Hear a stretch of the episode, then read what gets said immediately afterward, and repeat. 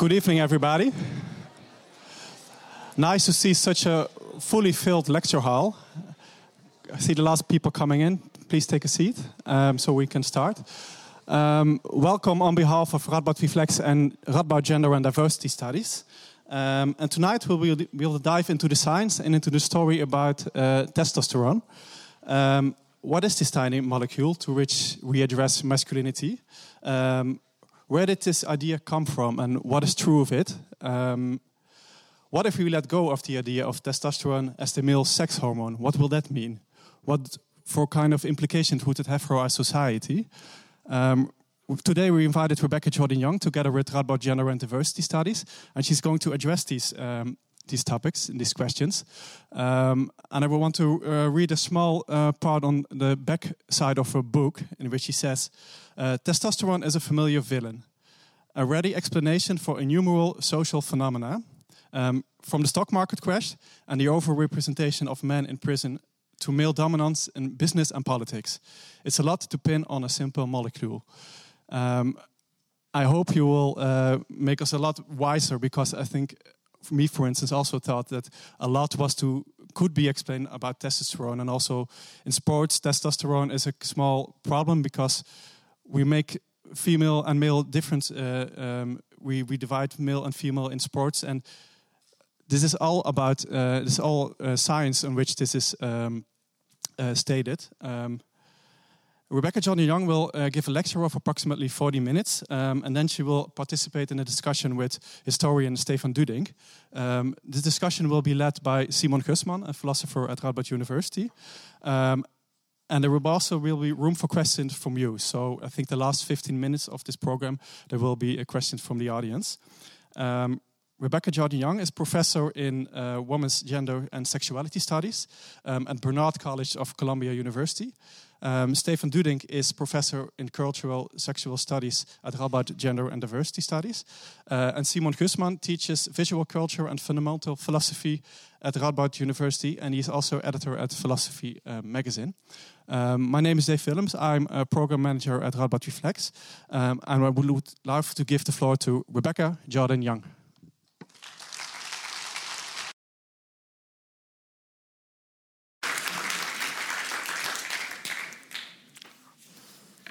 Thank you so much, everyone, for coming out. Um, I will tell you at the outset that I am having visual problems, so I cannot see you, but I can see that there are a lot of you. And so, thank you for being here. Um, I would also ask if it is at all possible to lower these lights a little because I cannot actually see my text. Is it, is it possible? Is that a possibility? Maybe not. Okay, well, I'll do what I can, but it may turn out I see nothing. So, okay. Um, and uh, before going into my talk, uh, two things. I want to first uh, just thank you very much, both to Radboud Gender and Diversity Studies for inviting me, for Marieke um, uh, van den Brink in particular, for Dave Willems of Radboud Reflects, for Stefan for agreeing to read the work and be in conversation with me, and uh, Simon, who I had not met before, but look forward to having as part of this. Thanks to everyone. Uh, I will also say that uh, your agenda for what what all we could talk about with testosterone is so huge. I cannot possibly get to all of those things tonight, and I've tried to take a little slice of it in my presentation. Sadly, I don't think I get to where would we be? What would our world look like if we didn't pin so much on testosterone? But I hope to convince you by the end of the talk that we are asking too much from this one steroid hormone. So, testosterone has been culturally endowed with aspirational, almost magical qualities since before the hormone was first synthesized in 1935. And scientists told the first and most important stories about this hormone. One of the earliest came from a sensational speech delivered by the, there we go, eminent French American physiologist and neurologist Charles Edouard Brown Séquard at a meeting of the Société de Biologie of Paris in 1889. Excuse me. He reported the miraculous effects of what has become one of the most famous auto experiments of all time, in which he injected himself with an elixir made of testicular extracts from dogs and guinea pigs as well as some other things, which you'll hear about. What in the world possessed this world renowned scientist to treat himself with this brew? In short, he was fed up with being old. By his early 60s, he was, quote, so weak that I was always compelled to sit down after half an hour's work in the laboratory. So, first, he experimented with grafting the testicles from young guinea pigs onto older male dogs. So, you notice old young cross species, there's a lot going on, in a bid to restore some of the dog's youthful features. The experiments were mostly unsuccessful, but that didn't dampen his enthusiasm. He moved on to rejuvenating older male rabbits. And, quote, the good effects produced in all those animals, he, rewrote, he wrote, left him, quote, resolved to make experiments on myself.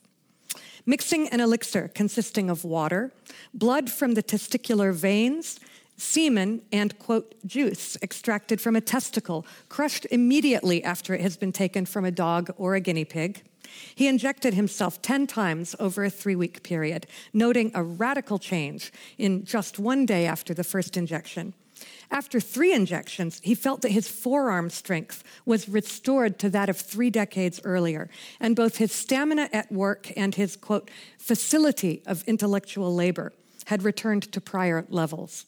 Some of the most dramatic effects may seem, with hindsight, to be the most surprising. For example, his comparative measurements showed that his jet of urine was 25% longer after the initial injection.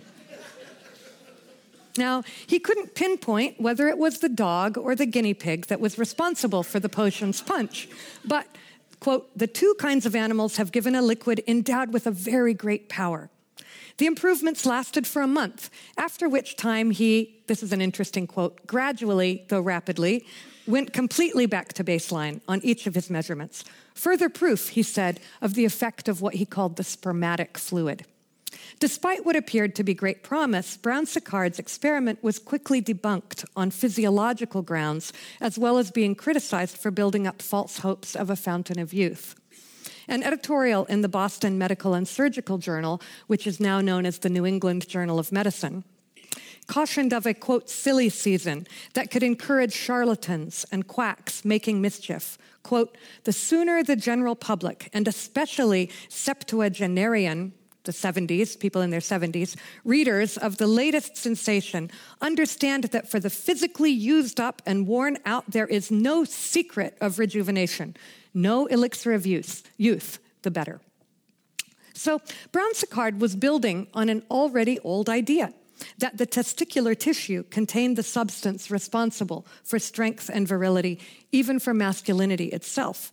In the decades that followed, dedicated to un- scientists who were dedicated to uncovering the cause of what they observed as radical, dramatic sex differences looked to where they understood that sex was rooted, which was the gonads, the testicles, or the ovaries. Unable to study testosterone directly because biochemistry did not yet exist, uh, they had to come up with interesting experiments, often involving castrating animals, observing what happened after they castrated them, which functions and parts of the body tissues were affected, and then focus. They were focusing uh, as they looked for those effects, focusing on what they considered to be either masculine effects or feminine effects taken away by castration. Um, in particular, they looked at uh, mounting behavior, the part of the reproductive repertoire where one animal climbs on another in order to mate, in, and they were looking at a lot of rodents. They then sought to restore, after castrating, they sought to bring those effects back by implanting bits of testicular tissue. They watched to see what functions were restored, and then, if a function was restored, they attributed that change to the glands themselves and the secretions from the little tiny bits of tissue. But unfortunately, even with these rigorous experiments, even with the way they told the story and pulled out the data in a way that was really looking for a linear narrative between the tissue, the function, masculinity, still, the findings were a bit messy for them. They called them paradoxical, anomalous, strange, puzzling, unexpected, because the, the substances themselves turned out to not be sex exclusive, and because their functions went well beyond determining sexual characteristics. So, testosterone, for example, influences many biological processes in all humans, in, in most animals where it, where it is, including things like in humans, heart function, liver, liver metabolism, bone development, and so on. So, just isolating the effects to sexual functions um, turned out to create a lot of puzzles. But these puzzling and contradictory findings did little to undermine the idea that these were sex hormones and that testosterone in particular is, quote, the male sex hormone or the most important male sex hormone, the molecular driver of all things masculine. So the hallmarks of testosterone uh, is that it's yoked exclusively to men and the hormone's effects are credited as the primary drivers of sexual development and differences of men from women.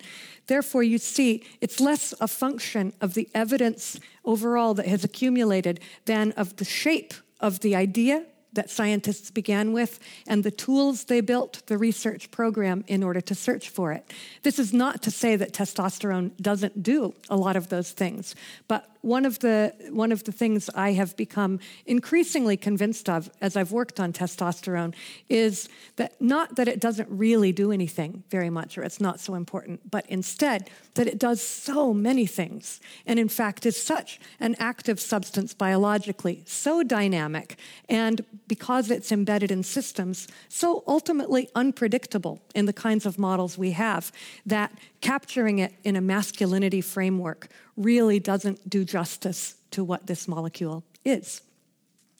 Nonetheless, in subsequent decades, other researchers picked up where Brown Séquard had left off, as if there had been no critical interruption. Top medical journals published reports of experiments covering an impressive array of techniques, subjects, and specific research aims. There were more rejuvenation experiments with grafting uh, this is more from Séquard, The Elixir of Life. Uh, yeah, there we go. It's quite interesting, all the different things that were attributed. But um, there were more rejuvenation experiments with implanting and grafting of testes from younger to older animals, and preparations based on testes from goats, rams, and boars were injected into men. Testes from younger men were implanted into older men. The aims were impressively broad, from countering senility, impotence, muscular weakness, and flagging libido to, quote, curing homosexuality by replacing afflicted men's testes with those of, quote, normal men. Many of the claims and aims went well beyond what contemporary ideas about testosterone would lead us to expect. Leo Stanley, was the chief surgeon at San Quentin Prison in Northern California for almost four decades. He had explicit eugenic goals and an enormous pool of people on whom to experiment. Under Stanley's knife or supervision, more than 10,000 testicular implantation operations took place at San Quentin Prison, which he claimed cured the following quote, cases of neurasthenia, senility, asthma, paralysis agitans, epilepsy, dementia precox, diabetes, locomotor ataxia, impotency, tuberculosis, paranoia, gangrene of the toe, atrophied testicles, rheumatism, and, quote, on and on, many other illnesses of chronic character not amenable to treatment. He was emboldened by his intervention and said the recipients of the treatment, quote, claim that their eyesight is improved. I should really get some more. Immediately, the appetite is increased. I don't so much need. That there's a feeling of buoyancy, a joy of living, increased energy, loss of tired feeling, increased mental activity, and many other beneficial effects. So, amazing. It's magic. Serge Voronoff, the great Russian surgeon who had worked with Brown Séquard, may have made the grandest claim of all. Quote, the testicular matter pours into the stream of blood a species of vital fluid which restores the energy of all cells and spreads happiness. At a medical meeting in London in 1923, Voronoff announced that the Pasteur Institute's construction of an immense park in Africa would place the elixir of youth within the reach of everyone. Among other things, um, it was the, oops, I've, this doesn't make any sense and I can't read it, so I can't help you. But you see, it's going to be in the reach of everyone. It's the democratization of the elixir of youth because it's so it's going to be so simple to synthesize. Now, it's easy today to look askance at these claims, which often come across as outlandish, sometimes blatantly racist. Um, I didn't present that to you in this, but it's connected some with the monkey glands and the prospect of the Great Park in Africa. It's tied in with several of the other experiments. Um, or simply quackish. Today, any surgeon hawking a procedure to remedy the array of problems that Leo Stanley recited would be greeted with immediate skepticism, not just by their colleagues, but uh, probably by most lay people as well. Yet, as much as the narratives of testosterone, or T, as I'll call it in the rest of the talk often, have changed, one thing has remained constant. T isn't just potent it's omnipotent, it's magic. In 2017, an internal company memo that became an international news story, uh, in, in, a, in this memo, an engineer at Google, James Damore, blamed the dearth of women in tech on biology, especially on a lack of testosterone. Damore's memo was important not because it represented the fairly conventional thinking of one particular computer engineer, but because it was written and circulated at a time when Silicon Valley was engaging with questions of inequity and bias broadly in the industry and was coming under fire for having so few women in the highest pay, high prestige positions also because it directly challenged Google's program for addressing discrimination. Incidentally, the, the common narrative is that Damore was fired because of what he said in the memo and because it went against some sort of gender orthodoxy.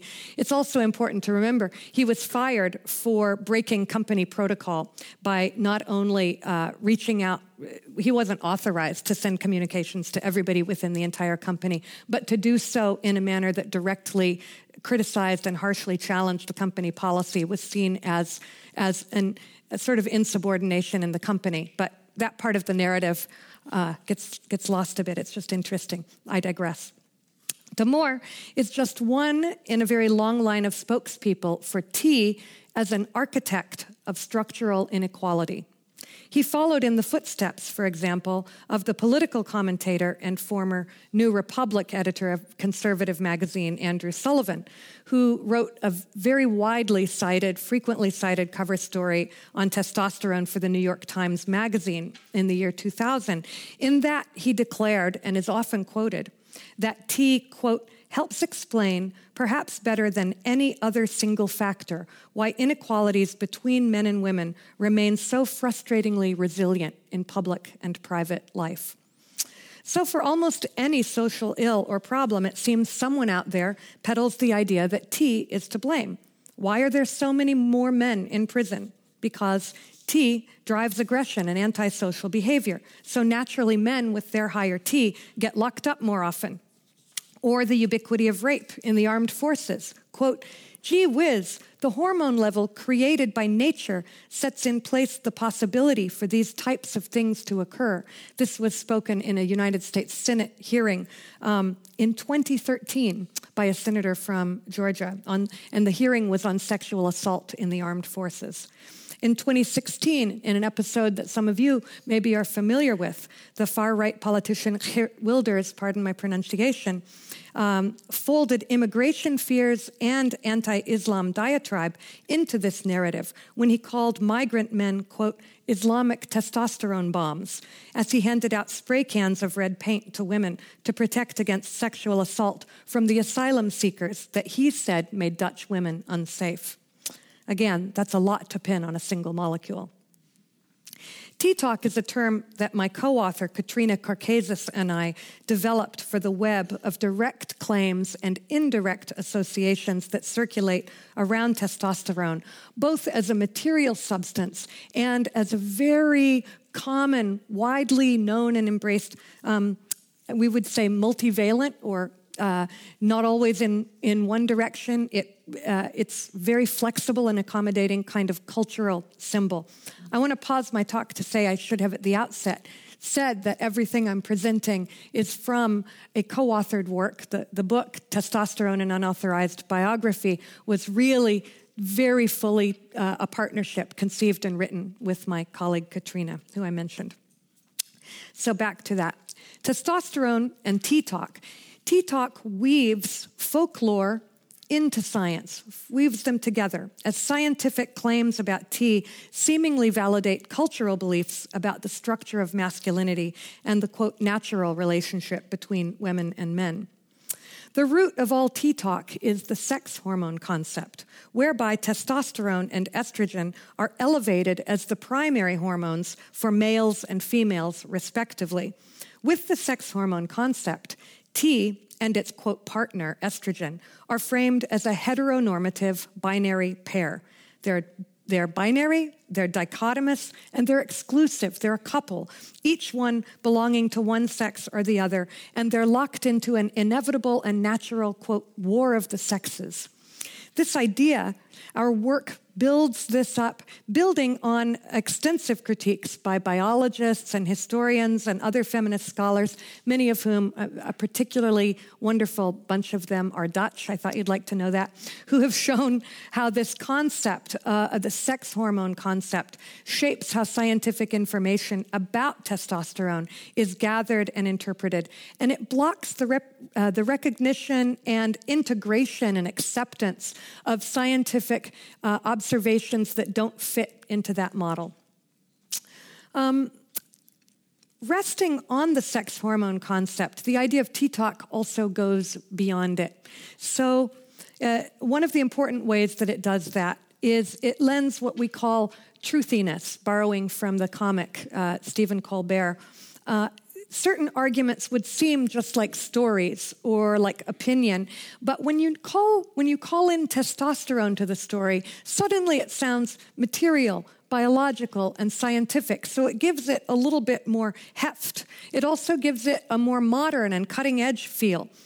Sometimes just calling in testosterone um, as an argument about the supersubstance, it not only substitutes for any actual evidence in a claim, but it makes it um, seem like you're being obstinate, thick headed, just annoyingly contrarian if you ask for evidence. What is the evidence of that? And this is something that we've encountered many times, especially in our work on sports.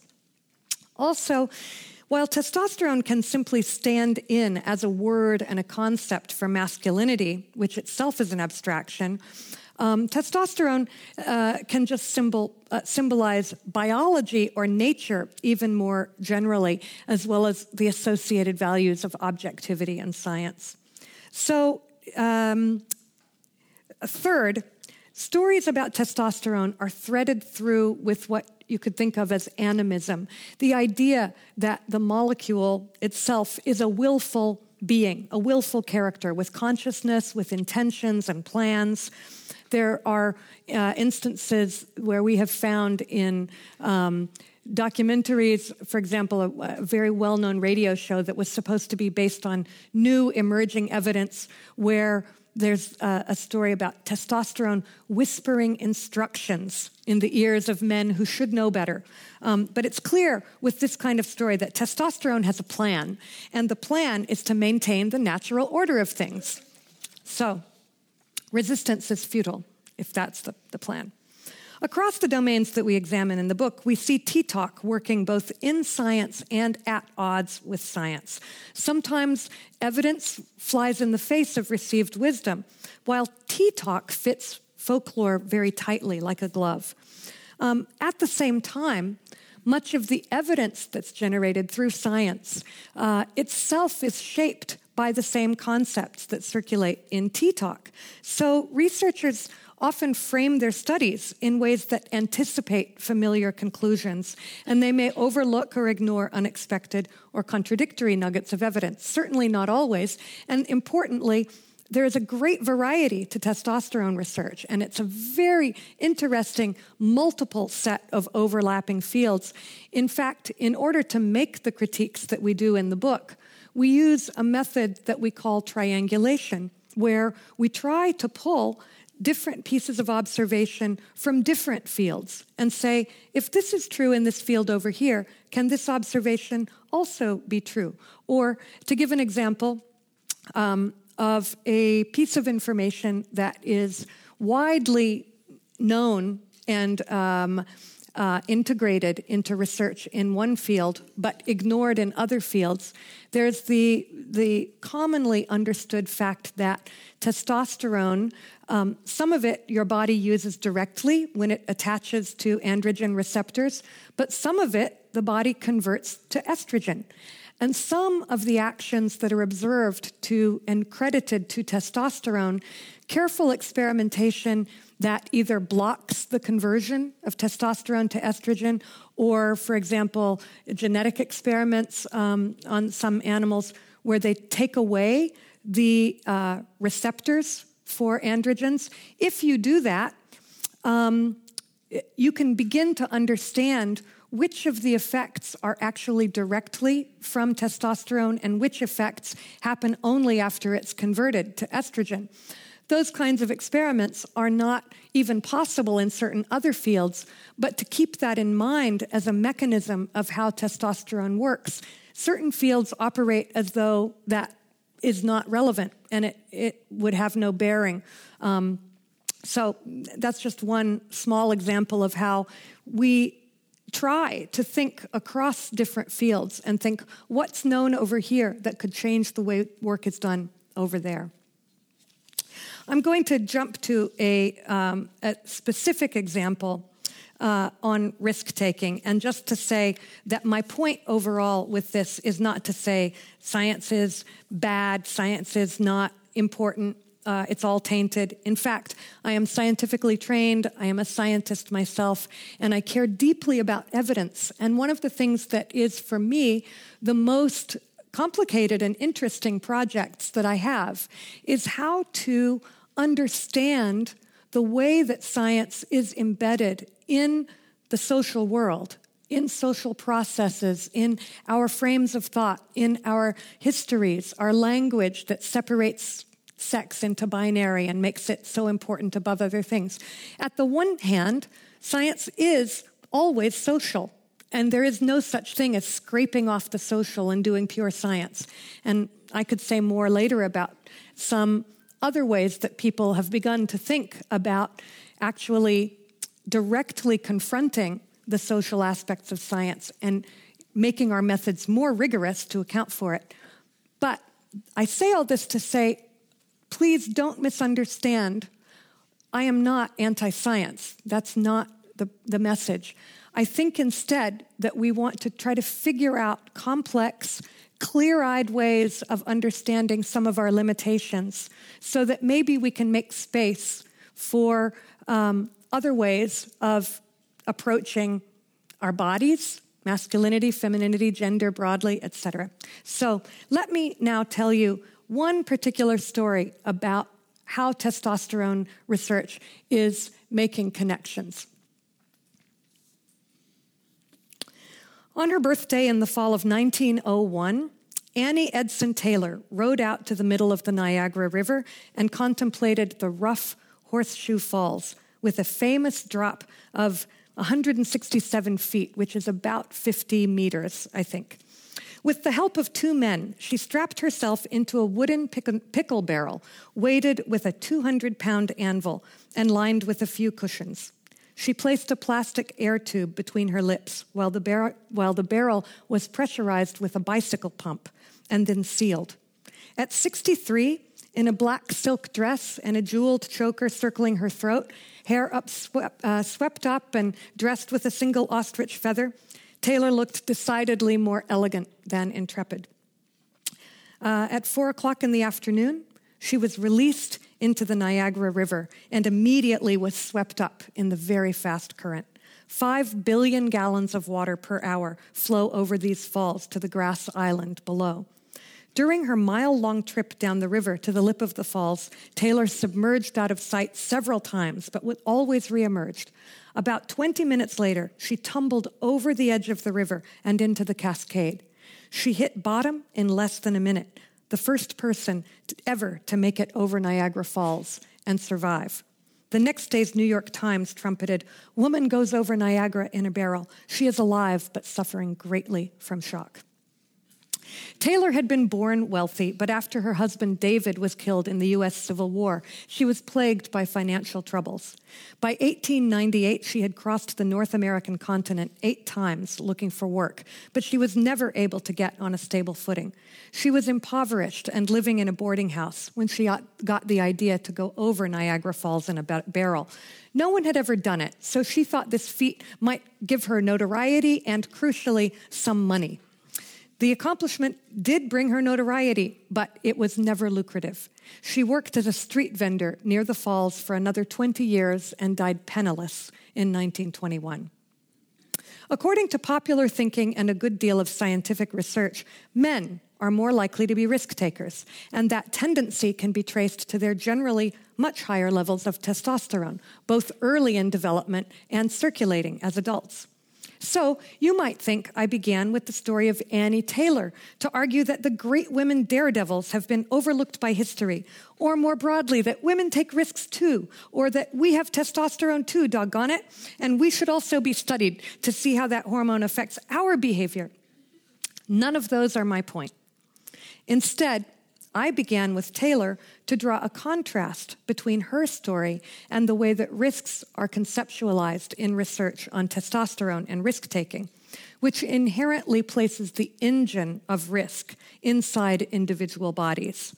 Stories like that of Annie Taylor highlight how gender, poverty, and other forms of social status interact to structure someone's life chances and choices, and the risks and benefits that different actions represent for specific people.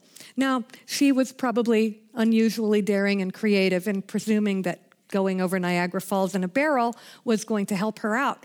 But desperation can make people take dramatic risks. Keeping her in the back of our minds, Katrina, my co author, and I set out to understand the research on testosterone and risk taking and to see how it might be structured around particular assumptions. In the field of behavioral neuroendocrinology, there is broad, though not unanimous, consensus that steroid hormones, especially high testosterone combined with low cortisol, which might be familiar to you as the stress hormone, that these, this combination affects risk preferences. I need to quickly look for Dave and see where I am. Good, thank you. One of the most influential models has been the study of financial behavior, both in the real world setting of financial trading and in laboratory based games. In the remainder of, of my talk, I'm going to just mention inconsistencies in the financial research uh, on testosterone and risk to show how T Talk, as I described before, isn't just about gender hierarchies, but part of what it does is help to naturalize other aspects of the social order, especially social class, economics. Um, and uh, I don't really get to that in this talk because I'm focusing on the finance studies, but also race, racial hierarchies. I'd hope to consider, um, no, I'm going to, I'm going to move along. A quick and dirty overview of the studies and the underlying theory that links testosterone to risk taking requires that we digress for a moment into popular versions of the story of sexual selection in evolution. In the popular versions, um, testosterone is the uh, mechanism, we could call it the proximate mechanism or the first step, the nearest step, that supposedly ensures that males compete, take risks, and want lots of sex. A suite of traits and behavioral strategies that give greater reproductive success to men uh, in the story than they would to women. Women who bear a greater physical burden in reproduction can produce only a fraction of the number of offspring that men could. So, women, it goes, must be cautious and choosy about mates. For men, on the other hand, the cost of reproduction is low. So, the more partners and the more encounters, the better. I don't have time to take apart this familiar story. I want to not leave you with the impression that I'm endorsing it. And I want to say one of the best deconstructions of that, that's quite accessible but also quite rigorous, is in Cordelia Fine's recent book, Testosterone Rex. So I'll give a shout out to Cordelia. In this model, Men have to compete among themselves to be lucky enough to reproduce at all, while women don't have this pressure. So this pushes men to be risk takers. And they also need to take risks to gather the resources to offer to women so that they will mate with them. So men have evolved to be promiscuous, risk taking, competitive, while women uh, evolved um, an inclination to play it safe. And um, you can see all of these. Uh, these were just, I pulled up a couple of days ago. I did a couple of searches on uh, just restricting uh, risk taking in humans in a number of recent years. You see, this is a very active research area. And what's interesting is you can see across these that um, some of the other domains that are brought into it include um, oh, the second one, unfortunately, a bird one sneaked in, so ignore that. But uh, um, power posing, religiosity, the idea that women are more religious and men less so, as is shown in many uh, surveys in Western nations because of uh, testosterone, that financial risk preference, adolescent risk taking. We could go on and on. All these different forms of either risk or conservatism get tied to the story of testosterone.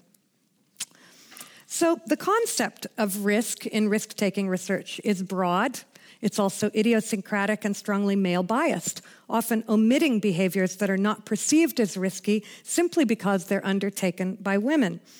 Many of the most frequently cited studies do involve money, and uh, in particular, there are a wide array of, of financial um, games that are used, and things like entrepreneurs get studied, and so on. So, I want to talk briefly about this study of entrepreneurs. Uh, it's useful actually to just take a look if you do a quick search of entrepreneurs. What's the image that you get? It's helpful. So, the idea uh, that entrepreneurship, that starting a new venture um, would be associated with testosterone, uh, got explored by uh, an evolutionary psychologist, a, a, team of evolutionary psychologists and a business professor. And they uh, tell the same familiar evolutionary story, but one of the super interesting things that they do is um, actually project money and the accumulation of finance into sort of deep human history, which is, is, is sort of hilarious. But they, they explain in the middle of the, the narrative that they create, they, they have to build a, um, a network of theory to link what they're talking about to evolution. And so they connect it to whole streams of research. Part of it is on risk, and part of that is on status. So they look over here and say, we see that in these studies by the famous sociologist James Dabbs, testosterone has been uh, linked to occupational status. So we pin down that corner of the theory and we move on. And I say, but wait, I know this study over here, and what you're doing is actually you're suggesting higher testosterone, the higher economic and social status of entrepreneurs. But these studies that you cited showed that higher testosterone was associated with lower occupational status. So, in fact, this is a kind of conceptual move we see often. There's a quick reference, there is this association, but actually, what that association is undermines, not builds, the study. Likewise, there's a set of studies, the most common single model uses um, something called the Iowa gambling task. So remember the evolutionary story. Risk taking is important for men in particular because they need to take risks, to have a lot of sex, to get a lot of partners, and to get resources to offer to the partners. So, risk taking is associated with more resource accumulation, right? But the Iowa Gambling Task is a game that was actually devised to measure pathological risk taking, where you take a kind of pattern of behavior where over time, you're not choosing the strategy that will actually cause you to accumulate resources, but you choose a strategy that gives you short term rewards, but in the long run, in fact, you lose the game.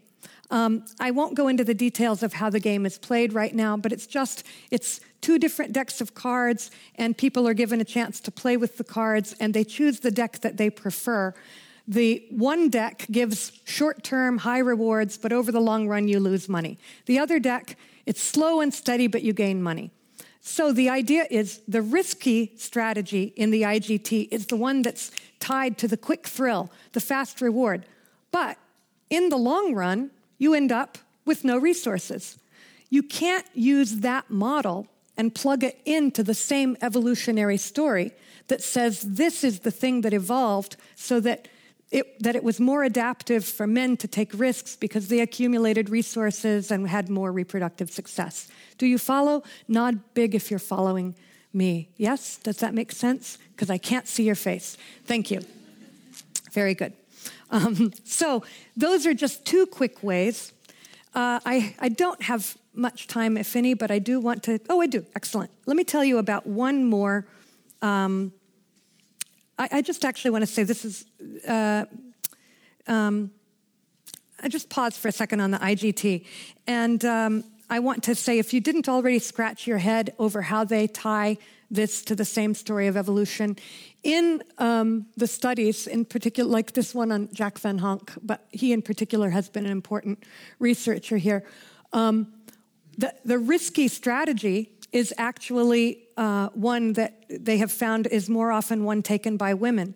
So the overall inconsistency of the network of patterns somehow manages to not trouble people studying this model. So in this case, sometimes what I take issue with is not the design or findings of a particular study, but it's how that study gets folded in to a broader narrative that overall doesn't actually make sense. It doesn't actually all support the same understanding.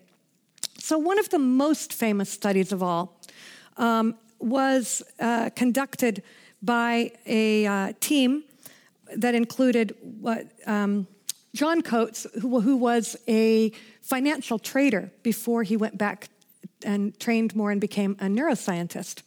And uh, he and his partner, Joe Herbert, a psychologist, did a study of young male traders on the financial floor in London. This particular study had been actually, uh, after it was published, it was published um, shortly before the great economic collapse of 2008.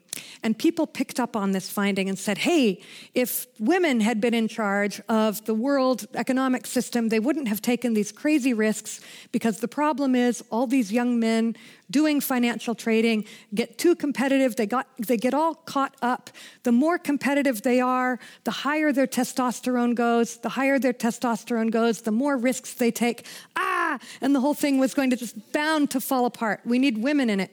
So I'm all for more women in professions in general, but this particular story, I think, isn't the best way to try to argue to get women into any profession.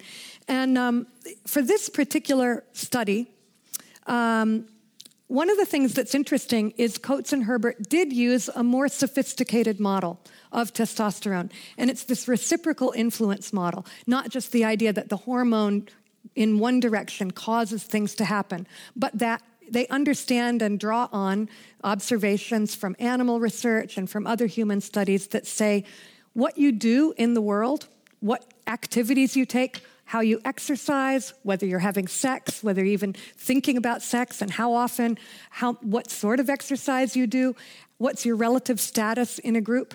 Actually, all of those things have been shown to affect testosterone production. It is an incredibly dynamic molecule in very quick changing ways. So it's dynamic, it's fluid, it responds to our social situations. Interestingly, for humans, there's much more data about how testosterone responds to behavior and the social world than there is evidence that it affects and, and pushes behavior in a certain way. So, in this study, they uh, gathered testosterone over five days, morning and afternoon, from 17 uh, male traders. Uh, and they, their hypothesis um, was that this winner's effect, that on uh, that wins in the market would cause testosterone to go up and they would then take more risks. They reported that traders' testosterone was higher on days when they made more than their daily average. They also said that higher levels of T in the morning correlated with higher profits in the afternoon. And they mentioned some findings about uh, higher cortisol. Their findings, they said, successfully tracked along their hypothesis about testosterone and cortisol. But it turns out that that interpretation requires a very big retrofit. The data do not actually support the prediction that rising profits would lead to rising T, which in turn would lead to more risk. In fact, they don't even run the analyses to test that particular hypothesis. So, what you would have had to do to test that, like I said, they had data over five days, morning and afternoon. If the hypothesis is that when you make more money, it drives your testosterone up and then you take more risks, what you need to do is first see does testosterone change following uh, the trading events of the day? So that requires a change measure. You would have to subtract the morning T level from the afternoon T level. It's a very simple thing. What's amazing is these guys are, they're not stupid. I don't think they didn't know better, but they never ever reported a change measure. There's no change measure. They don't even test it nor do they look at how profits or testosterone one day leads over the course of several days. In other words, they find some significant associations, but those associations are not the things that you would need not only to prove their theory, but even to test their theory. For me, the most interesting thing about this is that this study was reported in the very prestigious Proceedings of the National Academy of Sciences, the most prestigious general interest science journal there is. How did it come past the reviewers without ever even testing uh, the hypothesis? So, with that, I just want to say it's T talk. T is not the only story or even the dominant story, but it's always handy. It's always sitting there on the shelf to be pulled down when it's convenient, to essentialize a social pattern, a hierarchy, something that instead of looking really at the structure of the markets, at looking at what's at risk, one of the things that we might say is why would you think financial traders are the pinnacle of risk? What, in fact, are they risking? Other people's money, right? for the most part, those are not the people who suffered tremendously. Those are not the people who had massive things at stake. Likewise, when research on bold leadership style risk is done, it's done on upper class, white professionals, business students, entrepreneurs, etc. When the interest is pathology, it's when the interest is problematic risk taking, antisocial behavior, etc teenagers, people of color, inner city residents, et cetera, et cetera, are the subject population. There's a way in which, by figuring finance, this realm of finance, as the pinnacle of risk, it, it takes forward the idea that these are the bold natural leaders. Obviously, in any of the studies of financial risk, entrepreneurs or others, you have to have money, for example, to invest money. But there are other studies that take that into account and that would already suggest that biology is not really playing a role in this. So these studies keep alive an idea that social structures inherently flow from our bodies. And I'm not in any way saying our bodies are not embedded in social structures. I'm fascinated by how testosterone responds and engages in the social world, but to think that our structures, whether it's gender or class or race, flow from this molecule already distorts and omits what we know about this molecule, and it gets in the way of precise interesting mechanistic information that could help us in a lot of other realms. So I think I will just end with this that questions about biology and human nature are inextricable from moral and political debates about the value of human variations, the possibilities for equality, and the urgency and feasibility of social change. This book emanated from our work on the regulation of women athletes' testosterone levels, and that, ref- that uh, regulation relied on a narrow and distorted, quote, science of testosterone that rested on a static, binary sex hormone view of testosterone. We learned about people doing other science that would challenge that, and, but it was left out of anything that counted as science in the regulation. That view in this regulation was used to justify bodily, psychic, economic, and social harms on women athletes. This is one of the most concrete places where it's been applied.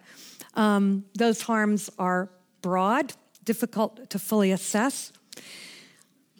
We hold on to hope that better thinking about testosterone will actually dislodge some of the um, static thinking that connects the idea of some chemical that's whispering instructions in all of our ears to hold the status quo.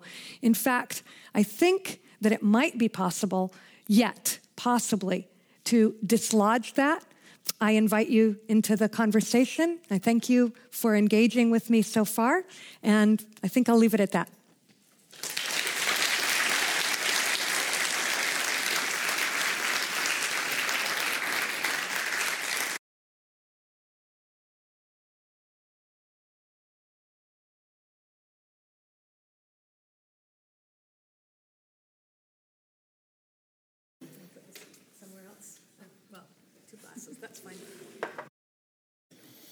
doesn't. Uh, yeah. Thanks, Professor Jordan Young. I have many questions to ask you, but first, uh, I wanted to ask Professor uh, Dudink um, uh, for your view. You, you wanted to elaborate on the historical aspects yeah. of uh, this research. Okay, well, Thanks very much for a talk that is as impressive as the book is. If you haven't seen or read it, uh, go and buy it. It is a wonderful, wonderful book. Um, and one of the things why, the, reasons why it is so wonderful is that even if you have a sort of a professional skepticism about the kind of research that Rebecca so beautifully unpicks, even if you have already have that kind of skepticism, you will be baffled by um, just how powerful that research is. Research that clearly is very debatable, that clearly is not up to par in many ways. Nevertheless, that research is unbelievably powerful. It is powerful within science. It is the research that gets quoted and quoted and quoted again and serves as the foundation under entire research fields. And it is an, uh, um, very powerful in society. It's very powerful because it helps to legitimize all kinds of given ideas about men, women, differences between men and women, and the nature of masculinity. So it is questionable research that at the same time is deeply, deeply powerful. Um, I was baffled by just how powerful and questionable at the same time it is. And I think this really um, begs the question why? How can this be? And Rebecca has pointed to T Talk, which I always think of as tea talk, you know, tea, but it's an right. entirely different thing, has pointed to T talk as the thing that underlies this. But I think there's more to be said about what exactly drives T talk. Yeah. And I think one of the things that drives T talk is connected to the nature of masculinity, the nature as in the way that masculinity is culturally constructed in our world. And I think one of the characteristics of modern masculinity, of masculinity in modernity, is that it is inherently unstable. It's mm. an inherently unstable category. And one of the things that T promises to do, and one of the things that T uh, promises to do, in particular at the moment when testosterone gets uh, discovered slash invented in the late 19th century is that it promises to solve these difficulties within masculinity. It seems to mm. carry mm. the promise of stabilizing masculinity. It locates masculinity in the body. It locates masculinity in a, uh, a molecule that is immune to outside mm. influence. Mm. It uh, connects masculinity to masculinity at other times and other places, as in evolutionary thinking, exactly in the same way that masculinity is being imagined in the late 19th century mm. as a masculinity that has been lost by men in the West, but is still being possessed by men in other parts of the world, or was possessed by men in uh, times that are, have disappeared into the mist of history. So, all of these. Um, instabilities around masculinity in one way or another get resolved by this magical uh, um, uh, molecule. So I think what we need to do is to think really carefully, historically, and in a very specific way about exactly which kinds of instabilities mm. within masculinity get resolved by T at what time in right. particular. And I think the example that you started with about rejuvenation is a wonderful example of this, and that we, we could find many, many examples of this in the present as well, and think mm-hmm. about which uh, instabilities in masculinity exactly get resolved by T. So it is T talk, but we need to be wary of the fact that we shouldn't speak too general, I think, about mm-hmm. T talk, but be really specific about which kind of instabilities in current constructions of masculinity are being resolved by T talk. That's a fantastic insight. And um, I think uh, I think in the book, I do, we do a better job of that than I was able to point to in the, in the talk now. But one of the things in particular is to think about how, in fact, there are very particular, testosterone seems to have this flexibility to uh, carry specific forms of masculinity. So, for example, a, a, crisis of bourgeois masculinity of someone who has been um, uh, emasculated by too much work in the office, for example, too aging in the lab, whatever is going on with Brown Séquard, there's a particular um, reaching, just like the marketing of testosterone to aging men, or right now, the marketing uh, which creates it, it, extends the aging market to younger and younger and younger men to take advantage of some insecurities about masculinity to suggest that even men uh, in their 20s might do well to boost their testosterone. Likewise, um, one thread that we carry uh, in the book is looking at the way uh, testosterone and violence is figured, and to look at a really intense both um, class narrative around uh, why is it that um, working class men, so the same uh, ev- evidence that I referred to very briefly in terms of the, the research that showed men with lower status occupations have higher testosterone. So the narrative that the researchers who did that work came up with was that um, too much testosterone causes some people, in particular men, but also women with too much testosterone, suffer from the same problem of being too impulsive too aggressive, they won't follow rules, they're antisocial, etc. They don't do well in organizations, they can't pay close enough attention in school, so they don't complete higher education. In other words, there's a vision that too much testosterone is an engine of the class structure. And people end up in a particular occupational status, end up with particular educational attainment, particular jobs, because they're not suited to uh, higher education and professional life.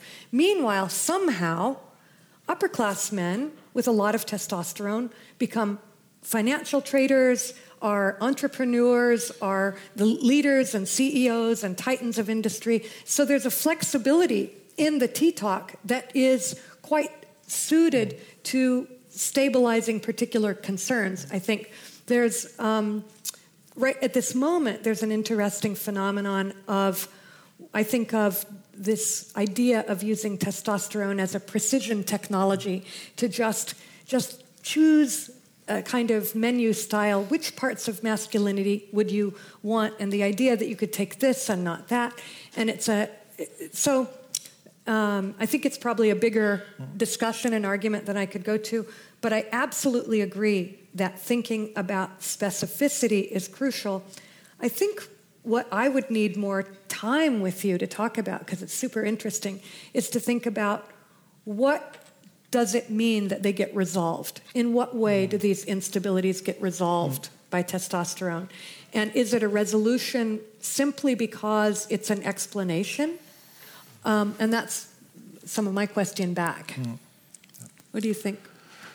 Well, they never get fully resolved, I would say. I, I would argue that um, in the same way that masculinity self, itself is, is, a, is a phantasmatic category, so is T to Yeah. a certain extent. They're, they're both phantasmatic categories. Masculinity seems to suppose that, that there is such a thing as a male body from which manliness then emerges and the two fit perfectly. Well, that, that's an impossibility. And the same thing is, of course, true of T, that, mm-hmm. that there is this molecule from which male bodies and then masculinity emerge. So both of them are phantasmatic and both of them are deeply, deeply um, contradictory. It is a resolution in the sense, I would say, that um, where threats to masculinity are very often envisioned in terms of society undermining manliness, of society developing into such a direction that it's going to undermine manliness. Conceptualizations of T seem to be a resolution in the sense that they exclude society from right. Uh, influence on the male body, and that's Right. why I find it so so so fascinating that this research that quite clearly shows that T is affected by social circumstances that that just doesn't seems to get heard, right? It's there, but it seems Right. seems to have a very hard time to, to find its way to a lot of other research. So where mm-hmm. when manliness or what is supposed to be manliness, when it is affected by society, it's very hard to acknowledge that. So I think T is a solution in the sense that it seems to render manliness immune to social influences and to historical influences. That is what its its promise seems to be. But that mm-hmm. of course can never be a real solution. It's just as phantasmatic as manliness itself is. Mm.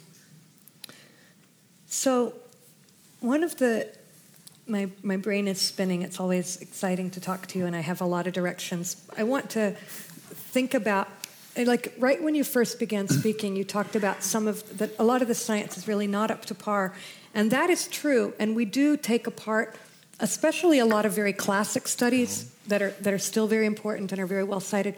But we, it's also important to note that a lot of the research we're talking about is up to par mm. in the sense that it's not that there isn't necessarily a problem. It's not bad science. It's about the way that we also have a concept of science in silos and the idea that this science is not allowed to touch that science. And if you if they did touch they would destabilize each other. Mm. And part of my job the kind of sort of meta synthesis that i do looking across study designs and so on is to say what happens if you make that science talk to that science? And partly they stay in these discrete silos because uh, you know it's it's just technical. It has nothing to do with ideology some of it. But it's also harder to understand and reflect upon and see the inconsistencies and the gaps in logic if you if they're all keeping their head down right?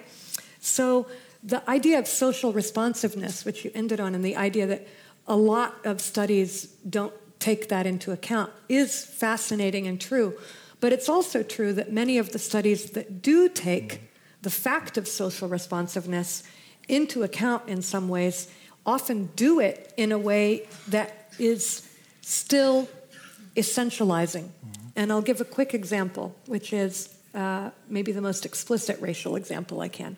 So there's a sociologist, Allan Mazur, who's an elected member of the American Academy of Sciences, a big, big figure.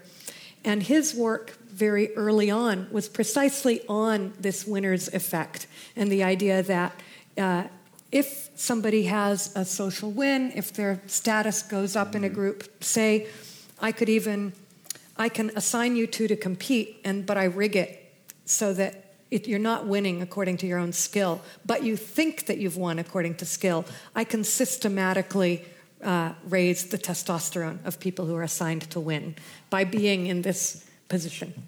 So there's you know some iffiness around the edges of some of that, but more or less there's a lot of consistent evidence. So he, along with another sociologist, Alan Booth, put this Uh, observation together with a bunch of other work in a huge article on testosterone and dominance in men. And there's this big section in that article that speculates on how you might use this insight to explain that what he thinks of as a racial pattern in criminality. And he's talking about what they call the quote inner cities, which is code word for black people and black men in particular in this work. Mm-hmm. And the idea is he calls in this, it's called a challenge hypothesis from Bird Research, and says that this, in the cities where their men are living under all these challenges and pressures, and it's like a constant, this is an environment with constant social pressure, which then keeps testosterone at a high level, it keeps challenges high, they then become more aggressive and violent and so on. But the way it's actually crafted and the way it's figured, first of all, everything about the challenges doesn't come from anything in the social world. There's no racism, there's no poverty, there's no chronic unemployment, there's no racialized policing. It's purely something about the inherent chaos of black communities, the way this is written out. This is the, the theme. And likewise, it turns out, as you read and you probe this and later work, it's a pastiche. He puts together this narrative without ever having information on the behavior of the young men in the studies, even on the, on the, on the residents. He doesn't even know that they live in cities.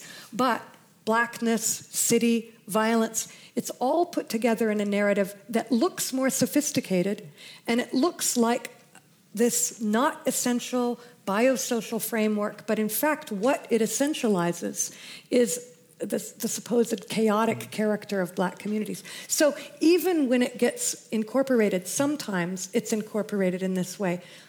Other people, like Sari Van Anders in Canada, does this. She does cool work that's quite the opposite. It undermines that. So I want to just throw her name out as somebody who does a very different kind of work. Yeah. I could go on and on. I'll stop for a second. Say more. No, no, it's fine. Say more.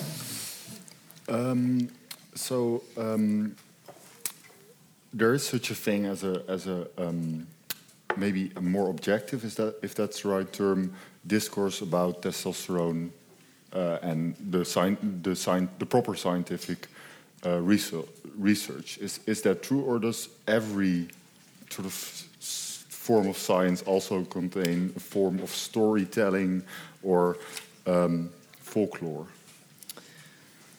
Okay, um, this is a great question, which I like very much. We cannot do science without stories. We need narrative in order to decide how to approach our objects, how, what to observe, mm-hmm. how to measure, and what to measure, what constitutes noise in the experiment versus what is really the thing we want to observe, and then how to interpret our findings. Um, there is better and worse research on testosterone, without question, just as there is better and worse research on anything.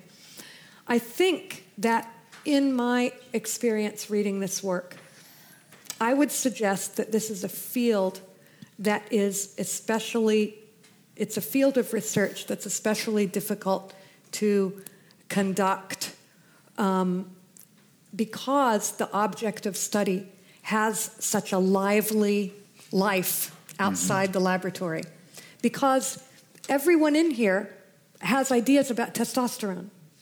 You probably don't have so many ideas about C reactive protein, is my guess. I don't think you probably would feel threatened in your gender presentation if someone said to you, Oh, you have a lot of testosterone, or you don't seem to have very much testosterone.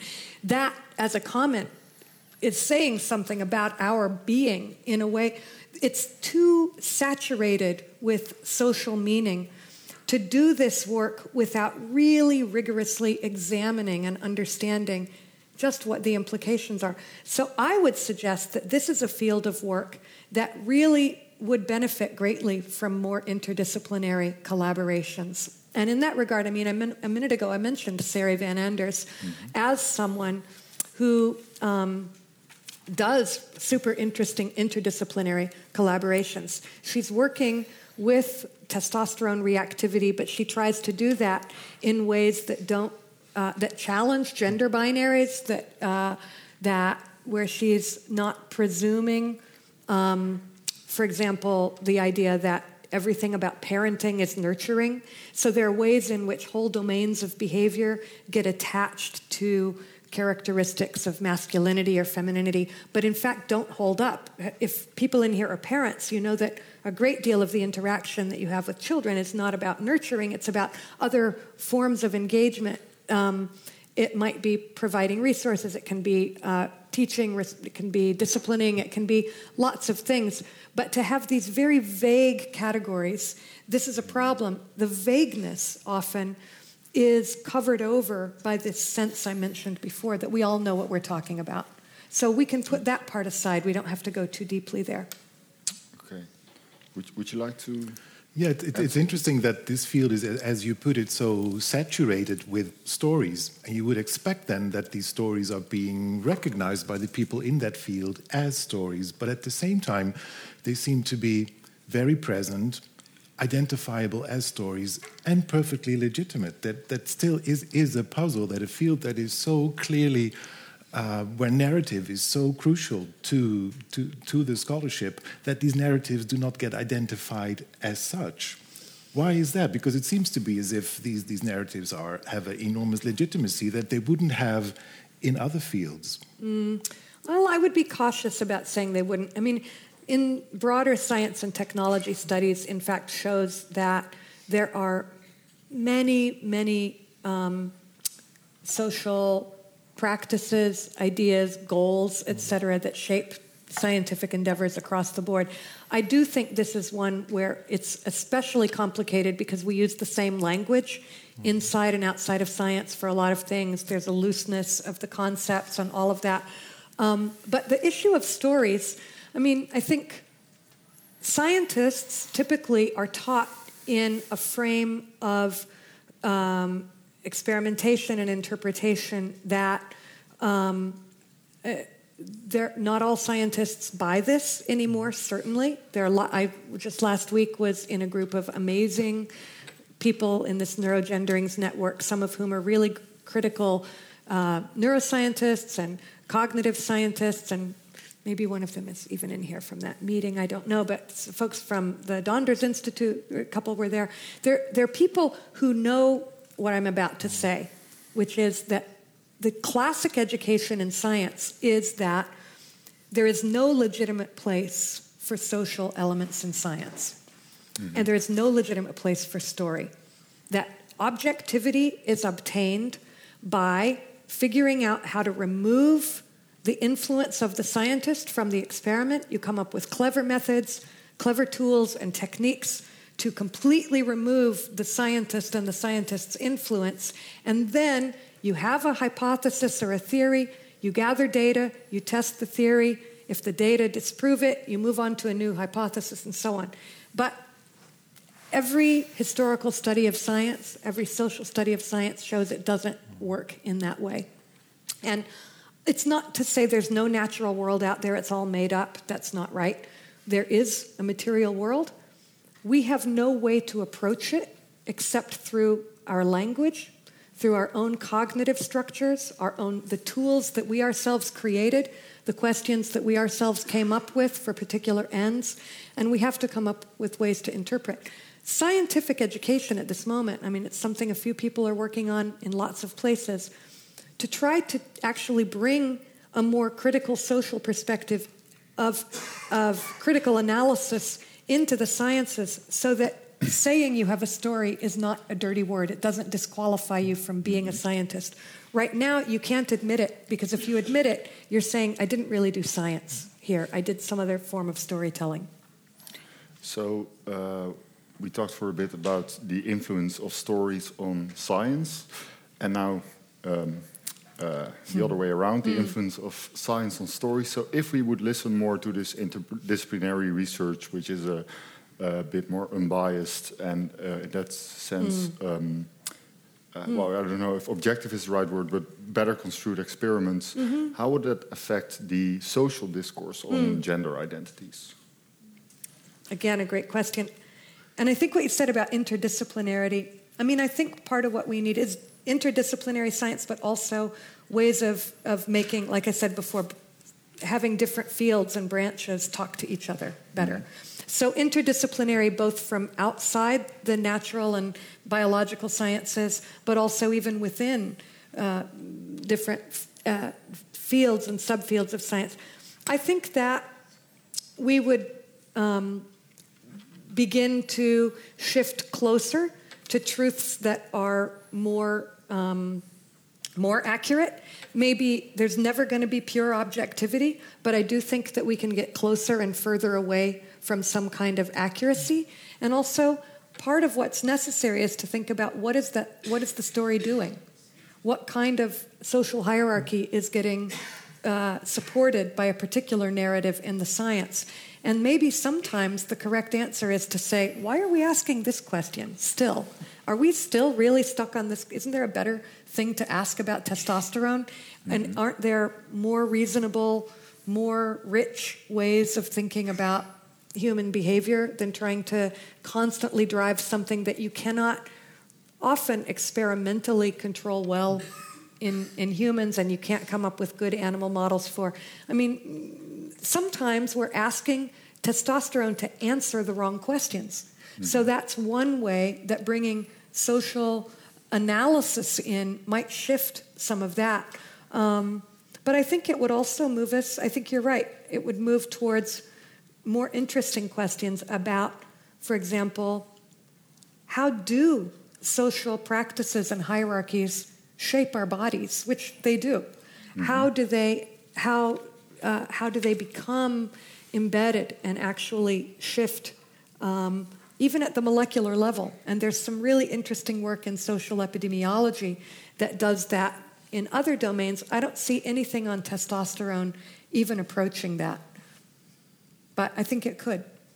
So, so you, uh, you use the word uh, binary sometimes in your talk. So, research that enforces, reinforces binary oppositions between genders. Right. Would that change if with new research? I think so. So to mention, I, I talked about the Neurogenderings Network. There are um, some amazing people trying to do new kinds of neuroscience that instead of always starting with categories of men and women and then over and over again compare and look for differences and count differences and elaborate that, they say things like what if we began instead with, instead of dividing everybody up by men and women, what if we were to uh, think about a wide range of the kinds of traits and characteristics that typically get associated with masculinity and femininity?